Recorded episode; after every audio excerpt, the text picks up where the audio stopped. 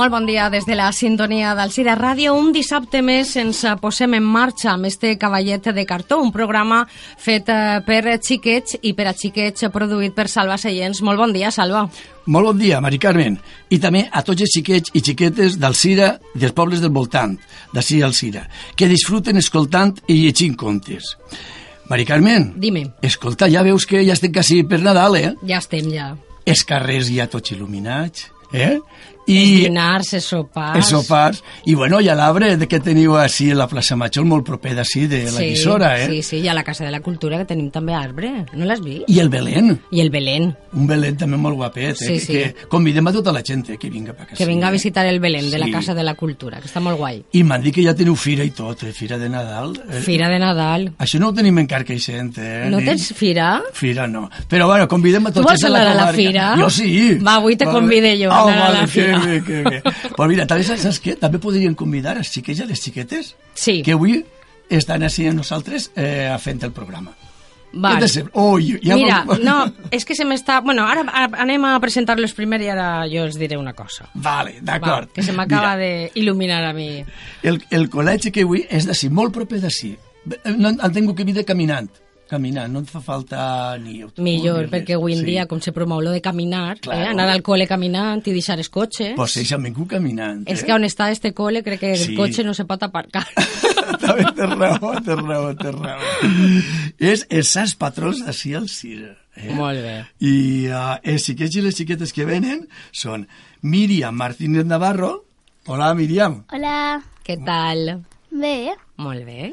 També tenim a Nicolás Canet Valle. Hola. Hola. Hola. I Hugo Pérez Camarena. Hola, Hugo. Què tal? Bé. Molt bé. Esteu tots bé, no? Sí. sí. Esteu contents, no? Relajats. Sí.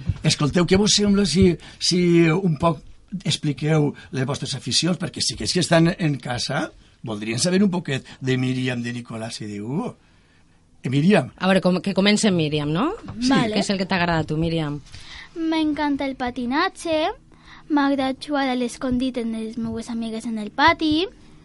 I m'encanta el món de les falles. Estàs com jo, fallera. ja has, ja has guanyat a Mari Carmen, ja has guanyat a Sí, Mari sí, sí, Carmen. sí, sí. I per cert, una coseta. Dime. Este any soc fallera major infantil i la meva falla. De quina falla? Sant Andreu. Ah, Sant Andreu, molt bé, de les veteranes, eh? de les falles veteranes. O sigui que tu enguany eres fallera major infantil. Sí. Perfecte. I què tal? Com estàs Bé. passant-ho? Bé. Acabes de començar, però Sí. això passa ràpid, eh? Mhm. Molt bé. I ara Nicolàs, què mos pots dir, Nicolàs? M'agrada Nicolàs té un nom molt nadalenc, eh? m'agrada molt, to- molt tocar el piano i eh, m'agrada també anar en bicicleta amb mon pare i eh, eh, ja sé, En quin curs estàs en piano? en tercero. Ja està en tercer. En tercer. Jo crec que al final Farem una orquestra. Jo crec que sí, perquè tot, cada, cada vegada venen, Sí. sí. uh, venen xiquets que saben el piano, saben la guitarra, saben... Escolta, La molt bé, flauta. la flauta. Sí, sí, sí, sí. Jo, ja ho pensarem, això. Farem una orquestra. Una orquestra. Quina música t'agrada a tu, Nicolàs? Eh, la clàssica. La clàssica. És raro, eh, que un xic que diga que li agrada la música clàssica. I si no és la clàssica, quina t'agrada? Tu a qui escoltes? Eh, a Freddie Mercury. Ah, que Molt bé. bé. És un xic de bon gust. Sí. Hugo, tu què ens contes? Pues a mi m'agrada molt tocar la guitarra. També m'agrada molt fer esport, com per exemple surf, que le faig a la playa de Seraco. I m'agrada també molt pintar i ja està. Estos xiques d'avui en dia són molt complets, eh? Fan de tot. Surf i tot, eh? Surf. Jo això que haurien a la Porta primera. a Salva, Hugo, a fer surf. Tu t'imagines a Salva fent surf? Eh? Ui, a la primera que hauria, veritat. Digo, però tu series, tu series un bon mestre, veritat? Mm, no sé. No sap ell.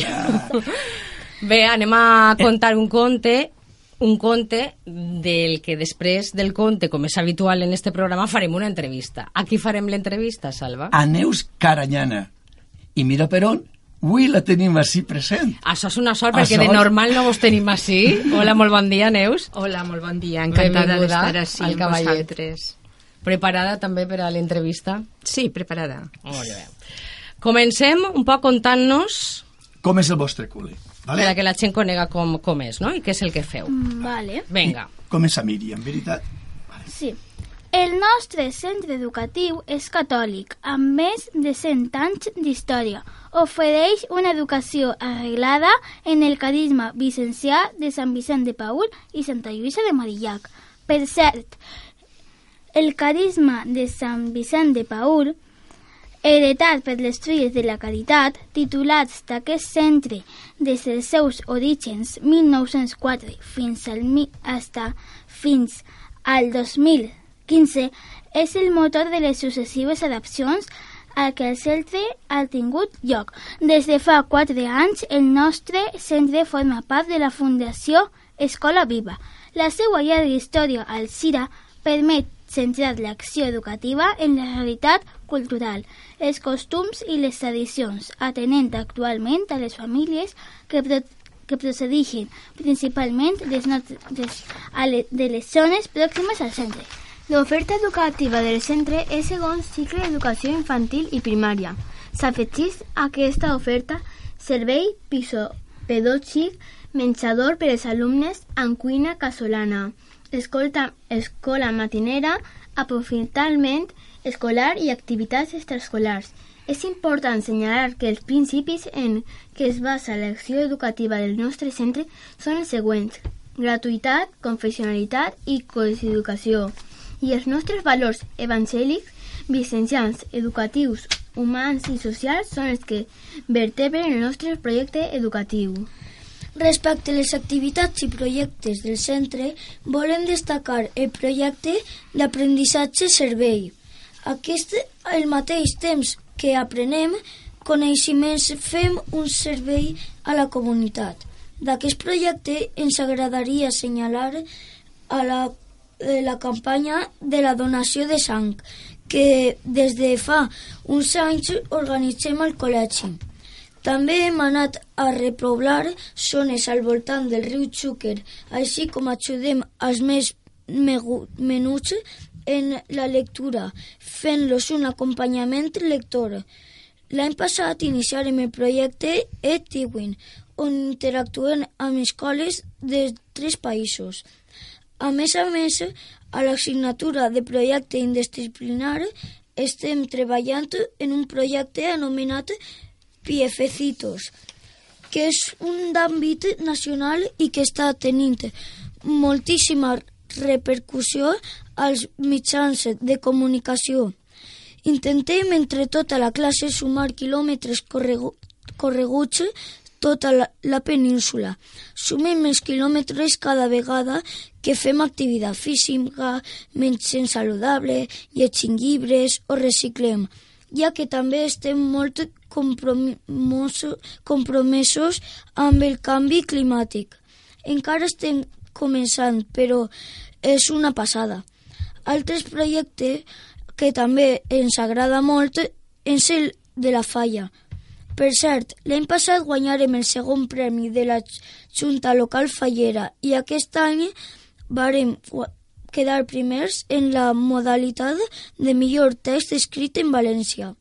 D'altra banda, ens agradaria remarcar que el nostre col·legi és un centre molt familiar, en el que els professors nostres una aplicació molt directa i personalitzada en cada una de nosaltres. A cada projecte, activitat o dinàmica que preparem es nota un lliurament constant que fa que nosaltres com a alumnes gaudim i aprengam en cada moment. Molt bé, moltes coses. Moltes, eh? Estem ca- cada, cada dissabte... Sí, sí. Enguany dic jo que també se presentareu al Premi de la Falla, no? Sí, Sí, sí. Sí.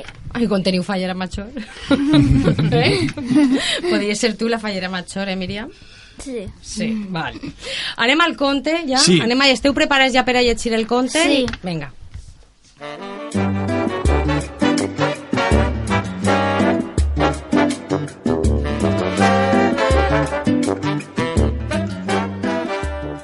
Sí. Míriam, Aquesta història que ara us contaré va esdevenir ja fa molts anys al poblet de Sollana. Allí vivien feliços Nelo i Marieta, un matrimoni encisador que de tan enamorats com estaven no sabien què fer-se l'un amb l'altre. Ell treballava un tros de terra que tenien a la partida de Paretes, no lluny de la seva modesta llar. Anava tots els dies amb Sultana, una jove i valenta que ajudava en totes les faenes del camp. Tant la feia gaurar i garbejar com carrejar els fruits de les collites. Anaven passant a la força del treball de Nelo i també de Marieta, que de moltes vegades, després d'acabar la feina de la casa, també l'ajudava. Quan venia el bon oratge, ella, tots els dies, li portava el dinar al camp. De camí ja, se, ja sentia la dent veu de Nelo. Arria, que sultana, o també so aca amb veu més assossegada. Marieta d'un bon tros lluny cridava Nelo, cap al lloc on estava i s'entrenyien en una forta abraçada.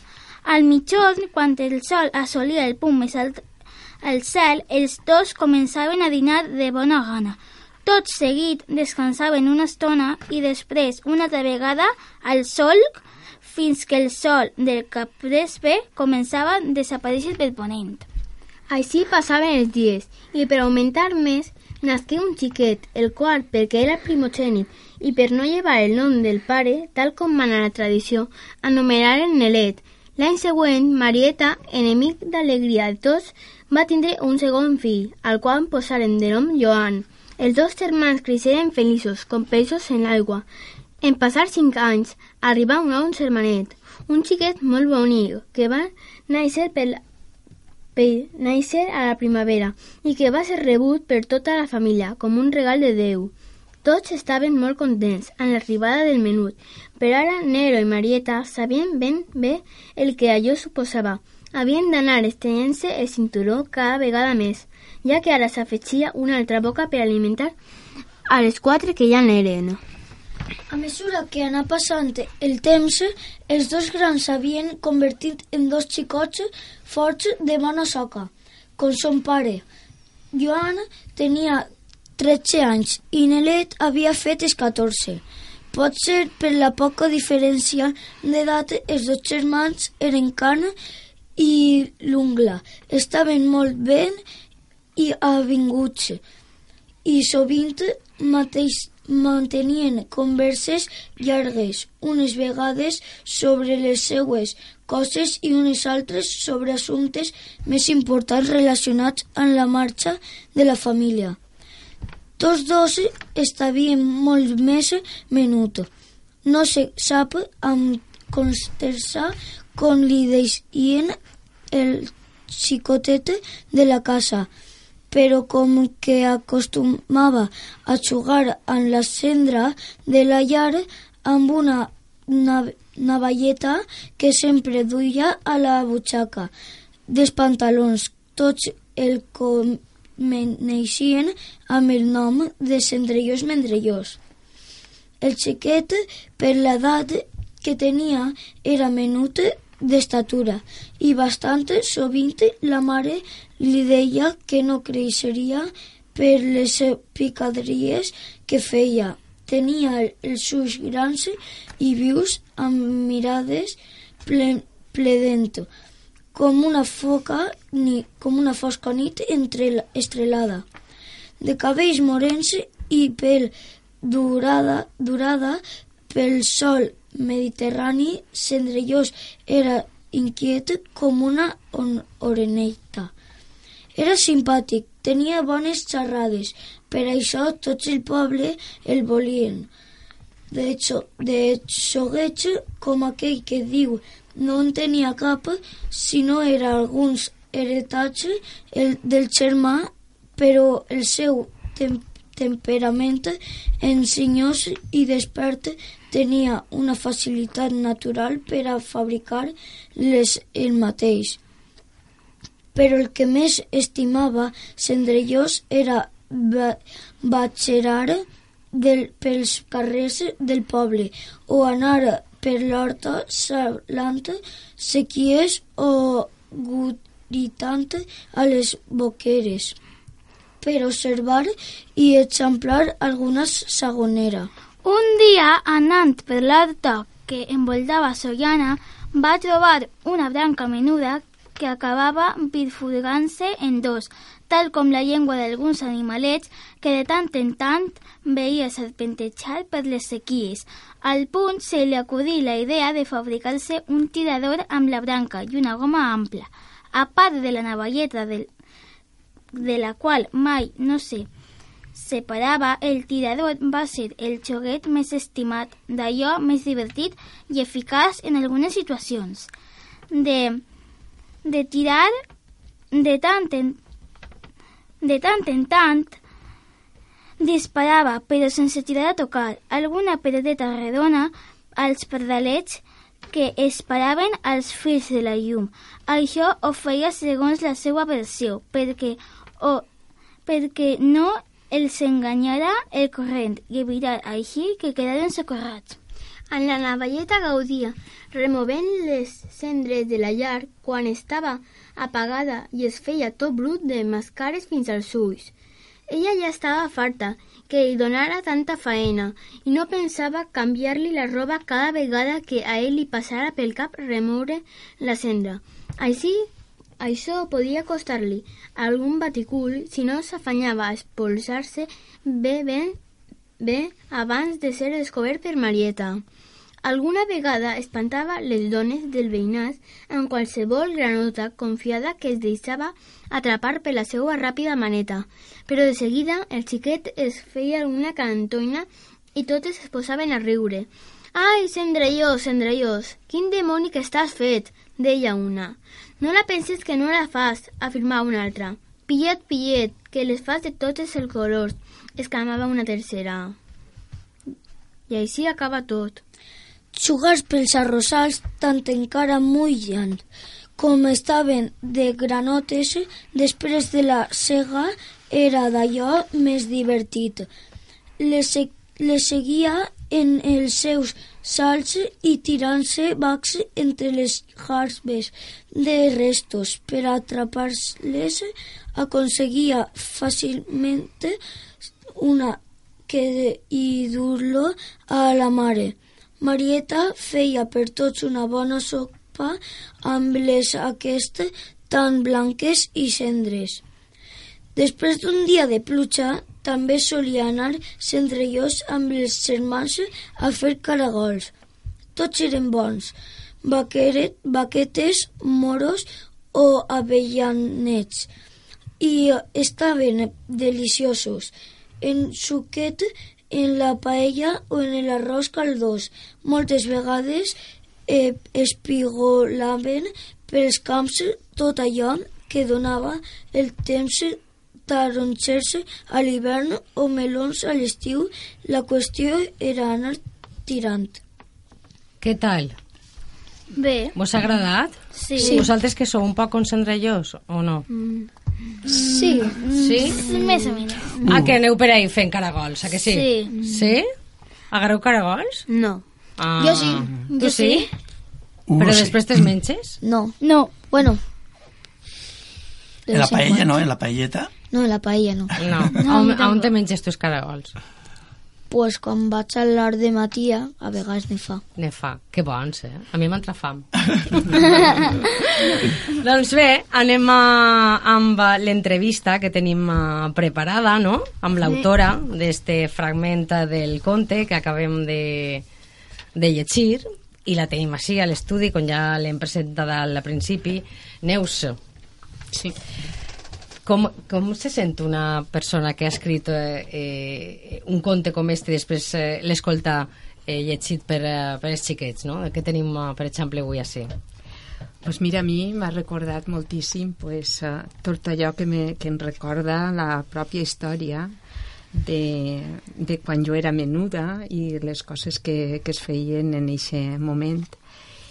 I, uh, I és que este conte és una rondalla, mm, és una rondalla que això vol dir que, que és un conte de tradició popular, uh -huh. de tradició oral, que és lo més important, eh, la característica més important d'aquest tipus d'històries. De, Ah. de tradició oral, de pares a fills, pues, anaven eh, passant eh, de boca en boca totes les històries que quan jo era menuda, però des de, te, des de moltíssims, moltíssims anys, pues, eh, la, les famílies o el veïnat o els amics es reunien eh, en l'hivern pues, ve a la vora de la llar de la vora del foc i allí comentaven, contaven tota, tota mena d'històries històries no?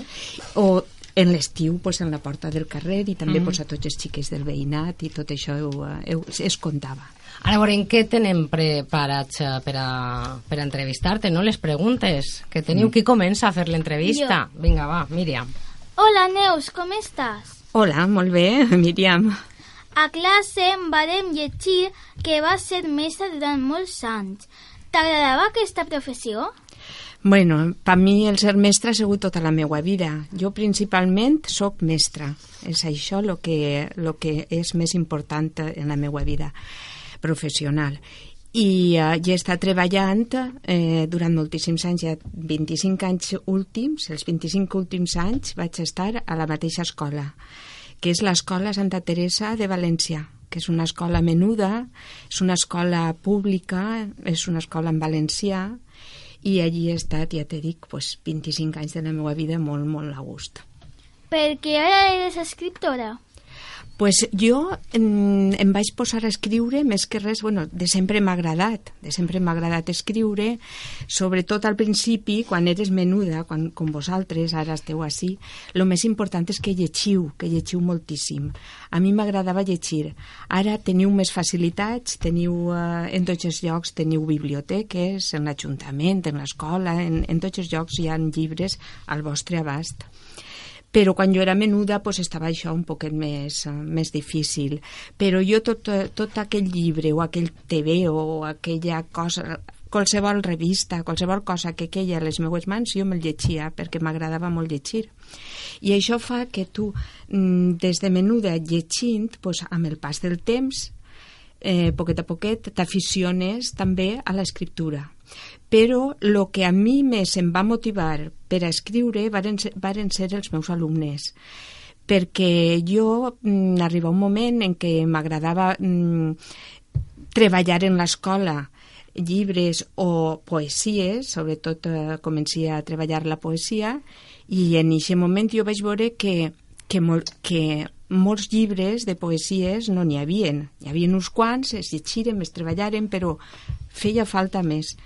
I jo què vaig fer? Vaig dir, pues, jo vaig escriure poemes per als meus alumnes i vaig agarrar un estiu, vaig escriure prou poemes i, i després es varen treballar en l'escola i es varen disfrutar. I animat per els meus alumnes i per, i per els meus companyes també, pues, mm, vaig, uh, vaig presentar-ho a una editorial i me varen publicar, me varen fer dos llibres de poemes, que són els meus dos primers llibres. Quants anys tenies quan vas començar a escriure? Pues jo no sé exactament els que tenia, perquè ja t'he dit que això ja era pues, treballant jo de mestra i pues, no sé, ja, ja era una cosa eh, que, que venia a ram de, de, de ser jo mestra de, de la meva professió. Joveneta, Però, però sí, però sí. sí. Ara, escriure coses per a mi o per escriure per escriure, això des de menuda. Uh -huh. Quin va ser el primer llibre que et va publicar? Pues va ser eh, un llibre, el llibre de poemes que es titula Vers a vers i, i, uh, i està publicat en l'editorial d'Enes. Després vaig fer un altre de, de poemes també que es titula Sensacions, també en la mateixa editorial. I podries dir-nos quants llibres t'han publicat fins al moment? Pues eh, em pense que són cinc o sis, no molts, mm. perquè ja t'he dit que la meua, la meua professió és mestra i que tot això d'escriure de, pues, també m'agrada, m'encanta i m'apassiona, però era una cosa també pues, mm, com, com per afegir-ho a la meva professió de mestra.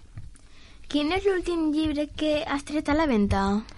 Pues l'últim llibre és uh, també un conte popular que, que es diu eh, El conte del pardalet. I és un conte tradicional que, que és encadenat i de repetició. I la, lo més uh, significatiu que té aquest conte és que està en bilingüe, en valencià i en anglès una cosa molt interessant perquè avui en dia el que no sap anglès ja saben que no va per, per molt bon camí. No, no. Després mos ho demostraran, perquè hi ha una secció bilingüe. Sí, sí, sí. En quin llibre has disfrutat més a, a l'hora d'escriure? pues, la veritat és que jo no sabria dir-te en quin, perquè tots, tots per mi han sigut molt, molt emocionants i com els he escrit per, per gust, per gust meu i disfrutant al màxim, pues, realment en tots. Tens algun llibre que no hagis acabat d'escriure? Mm, del tot, del tot, eh, pot ser l'últim, pues no el tinc acabat, però està en preparació. És un llibre que, que serà lo millor per a, més, per, per a xiques més menudets, però el tinc així, més o menys, quasi, quasi, quasi acabat ja. Tens algun projecte relacionat amb l'escriptura que no siga escriure un llibre? Pues realment eh, projecte com, a, com en si no, però en realitat pues, jo eh, participe de vegades en moltes animacions a la lectura, vaig a les escoles a presentar llibres meus o a parlar de literatura i totes aquestes coses fan que també pues, eh, siga tot relacionat en la, en la escriptura. Una, anem amb una última pregunta. Va, qui la fa, la última pregunta? Jo. Va, És relacionat amb el llibre? amb el que tu vulguis. tu vulguis. Vale. Tria-la tu, la que tu vulguis. Va. En l'expressió del conte estrenant-se el cinturó cada vegada més, vols dir que era una família humil i amb pocs recursos? Efectivament, això és el que vull dir. Mira, este conte, com havia dit jo, que és una rondalla, pues és una rondalla de costums, perquè també hi ha rondalles d'animals i rondalles meravelloses.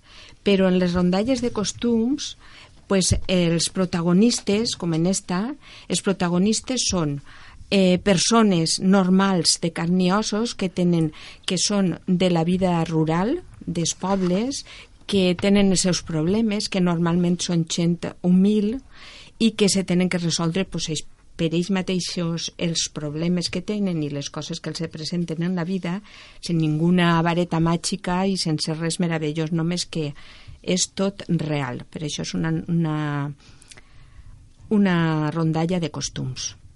I en això de, que em preguntes, d'estrenyar-se el, el cinturó, vol dir, sí, ens estrenyem el cinturó per què? Perquè augmenta un germanet més i, clar, eh, jornals eh, en, en aquella època pues, els, els eh, del camp i tot això pues, mm, tenien que, que, que passar una miqueta pues, així, en el que tenien. No hem camp. evolucionat molt, No eh? hem evolucionat molt, En aspecte. aspecte estem un poquet així. Recordem el llibre? Clar. Mira, el Neus ha escrit Cendrellós, Vendrellós, Saltejador de Camins. I l'il·lustradora Eva Garcés. Garcés. que Sí, és Eva vuit- Garcés és, és estupenda. Sí, ja. M'encanten els seus dibuixos. Sí. Ja ho saben, està en la bicicleta groga de l'editorial, eh, bueno, de Tàndem. De Tàndem, sí. De Bromera. Bromera, que Bromera és el nostre patrocinador. Sense Bromera, este cavall de cartó no existiria. Se quedaria en la quadra tots els dies, totes les setmanes. I avui, Hugo, Míriam i tu també, eh, Nicolàs. Nicolàs podreu, eh, sign, te, vos signarà el llibre. Avui teniu sort, eh, Sort, que està eh? ella sí, Neus així, i vos pot signar Jo el encantada llibre, eh? de signar-los. I se'l porteu dedicat. Neus, moltíssimes gràcies per estar amb Gràcies a nosaltres. Continues amb nosaltres, no?, amb el cavallet, te quedes així. Sí, Vinga. sí. Sí, sí. Acabem este cavallet i ens n'anem a la segona part del programa, que és el cavaller viatger.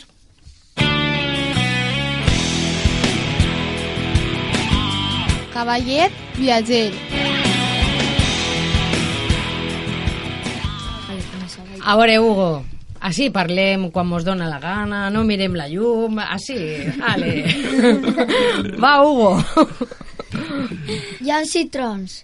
Desembre és un de tempestes. Segur que aquest mes encara un altre me caurà un altre. Arribem de sobte amb intensitats. Si te sampen el mig del carrer, segur que d'estes ben remullat. I festet.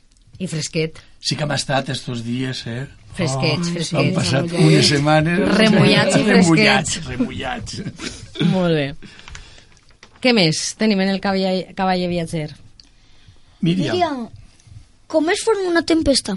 Els núvols de tempesta s'anomenen cumulonimbus.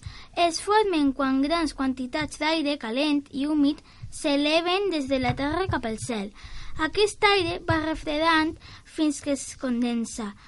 És a dir, passa de vapor líquid a, de vapor a líquid.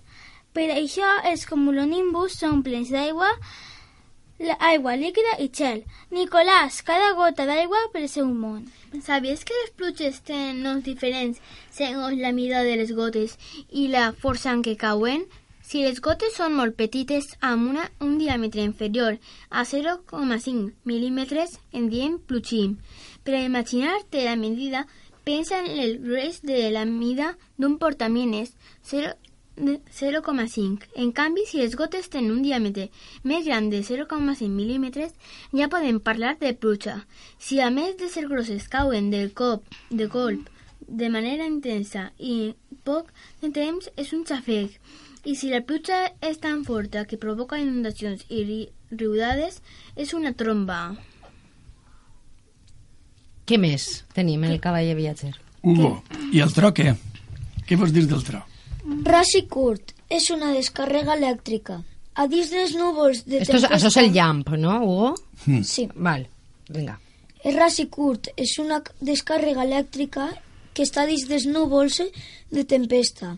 Les partícules es mouen i en col·lisionar creen descàrregues elèctriques que poden ser positives i negatives i com que s'atrauen entre elles originen els llamps. Molt bé.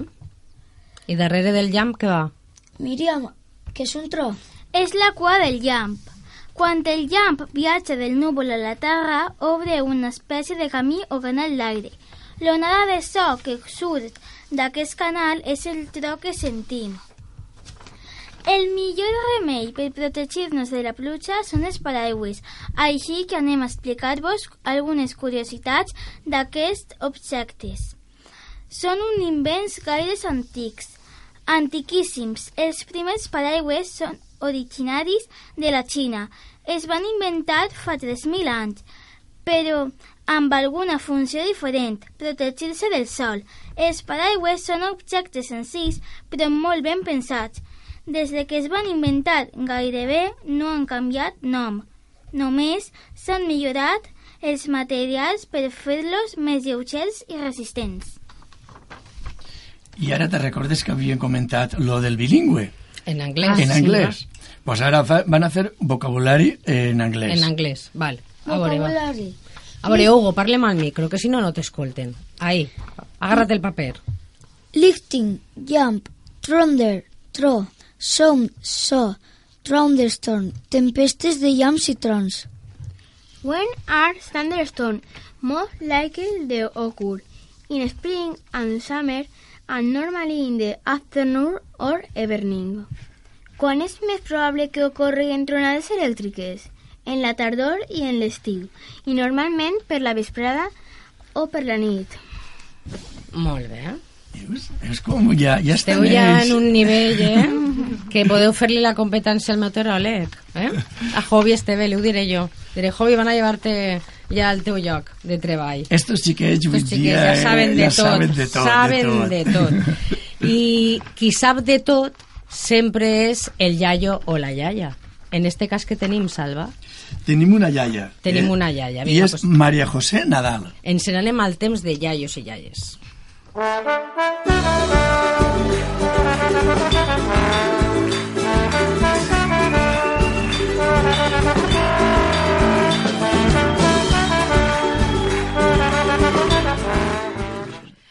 Maria José Nadal, molt bon dia. Molt bon dia, Mari Carmen, què tal? Molt bé, que la tenim a través de la línia telefònica. Escolteu a Maria José, vosaltres? Sí. Sí, a veure? Sí, Sí. no? Sí? Sí. Sí, Sí. ah, vinga. Saludeu a Maria José, no? Hola. Hola. Hola. Hola, cariño, què tal? Bé, A veure, qui va entrevistar a Maria José? Estrès. Estrès. I qui va a començar? Comença Hugo, en este Començo cas. jo. Vinga, va, Hugo. Bon dia, iaia. Què tal? si et sembla bé. Ja, ja, ja. comencem, val? Val? Quina ha sigut la teua vinculació al nostre col·legi amb els patrons? Bueno, la vinculació de la iaia en el col·legi és de quatre generacions, perquè ja la meua mare, que era la teua bisiaia, fou educada en les filles de la caritat. Després vam anar els meus germans i jo. Jo també em vaig portar a les meues filles. I ara esteu vosaltres, tu i el teu germà, els meus nets. A més a més, mai m'he deslligat del tot del col·legi. He seguit anant a tots els actes que he pogut. Les festes de Sant Vicent de Paul, Santa Lluïsa de Marillac i també, com no, la festa per excel·lència, les festes en honor de la Verge Milagrosa, la patrona del col·legi. Contesta això a la teva pregunta, carinyo? Sí. Muy bien. Què és el que més enyores i recordes del col·legi?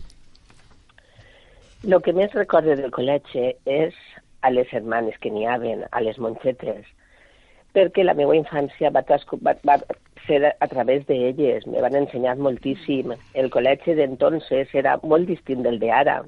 Recorde que a les xiques, mm, tots els dies, a la primera hora després de dinar, ens ensenyaven a fer labors, i això a mi m'ha servit moltíssim.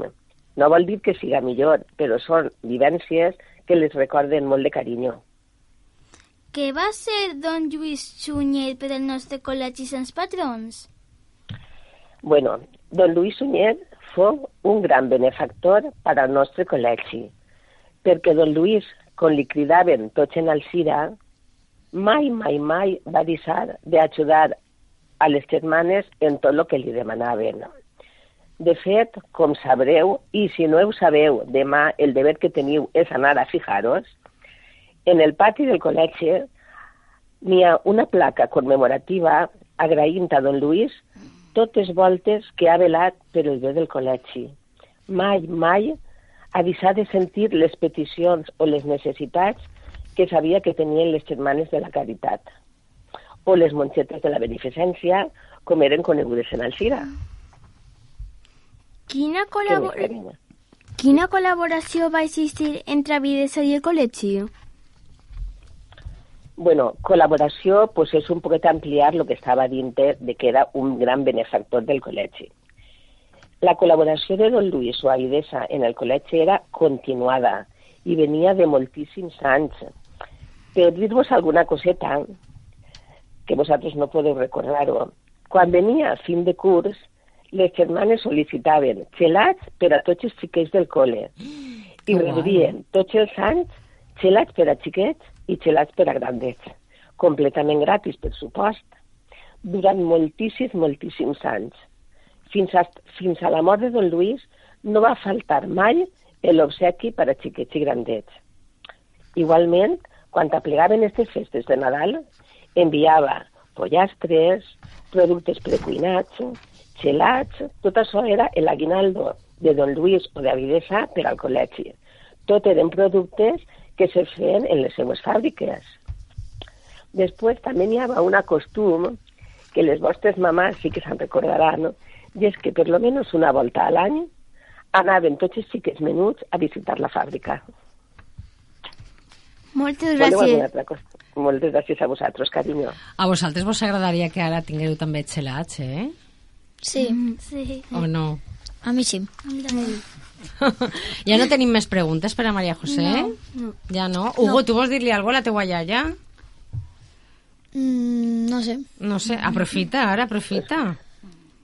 Maria José, tu vols dir alguna? Perquè així Hugo no arranca, eh? Pues nada, dir-los als xiquets que han estat fenomenals, que ha estat sentint el cavallet i ha tingut molt de gust de sentir-los, als xiquets i a vosaltres també, Mari Carmen. Enhorabona. Gràcies, Maria José, gràcies per participar. Gràcies. Hasta luego. Adeu, adeu, molt bon Adiós. dia, bon cada setmana. El dilluns, quan aneu al col·le, aneu a mirar la placa que vos ha dit, eh, la iaia, que heu de mirar, que està en el pati. Vale. Vale. Vale. Molt bé. Veus, el cavallet també cada vegada més pues, sabem cosetes més Clar, del poble clar. i d'ací al Cira. I, Que els iaios i i iaies saben moltes coses. Per això, aquesta secció volem que, que també funcioni i que vinga, estiga Molt bé, nosaltres. perfecte. Bueno, ja estem acabant Estem el acabant ja. programa. Ara què? Què? S'ha passat au. pronte, no? Ha passat a gust? Sí, sí. Sí? Nicolàs? Míriam? És que s'han posat els auriculars i Sí, sí. pareix que siguen ara Sí. Robocop. Estem ara en sèrio. T'imagina un poc agarrat, no? Solteu-se, fem així. Va, Tornaríeu, no? què és A el que més vos ha agradat? Pues, no sé. Llegir el conte. Llegir el conte, és que on estiga un bon Les conte... preguntes a l'autora. Ah, Ah, molt bé, eh, Neus. que bé vos ha contestat l'autora, eh, Neus? Sí, Neus. Molt bé. Tots no tenen la mateixa sort que estiga així, eh? Que ara vos signarà el conte i se n'aneu amb, a, amb ell a casa. I ara eh, també, ens tenim, quedem... també tenim que agrair al tècnic. Sí. Que, que, que vegeu ahir, pues, el tècnic Javier. Si no està ací, Javier, no hi ha programa. ja no hi ha programa.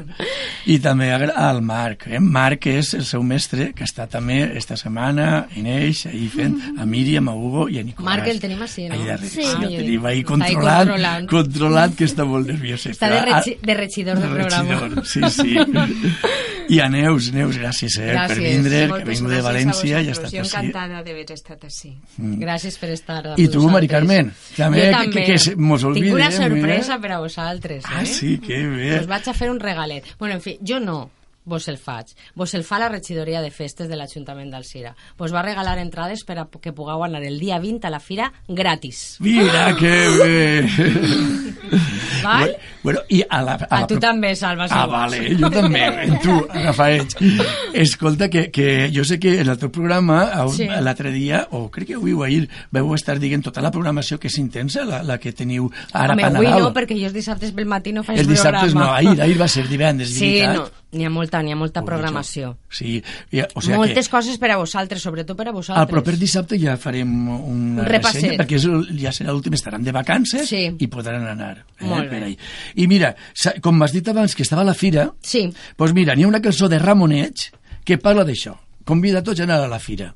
I què perquè vos a la sembla? fira no vaig si no tens diners, que veuràs moltes, Moltes coses, coses i i no, no compraràs res. Pues escoltem tots, diuen a mi. escoltem tots a Ramonet. A Ramonet, Eh? se n'anem, diguem adeu tots. Adeu, adeu, adeu, adeu. Adéu. Adéu. Fins al dissabte que ve.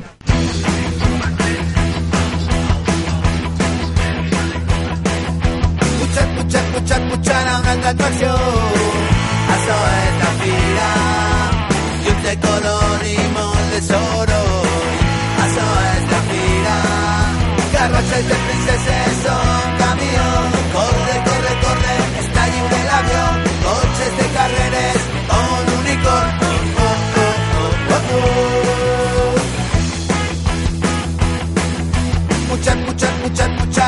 atracción.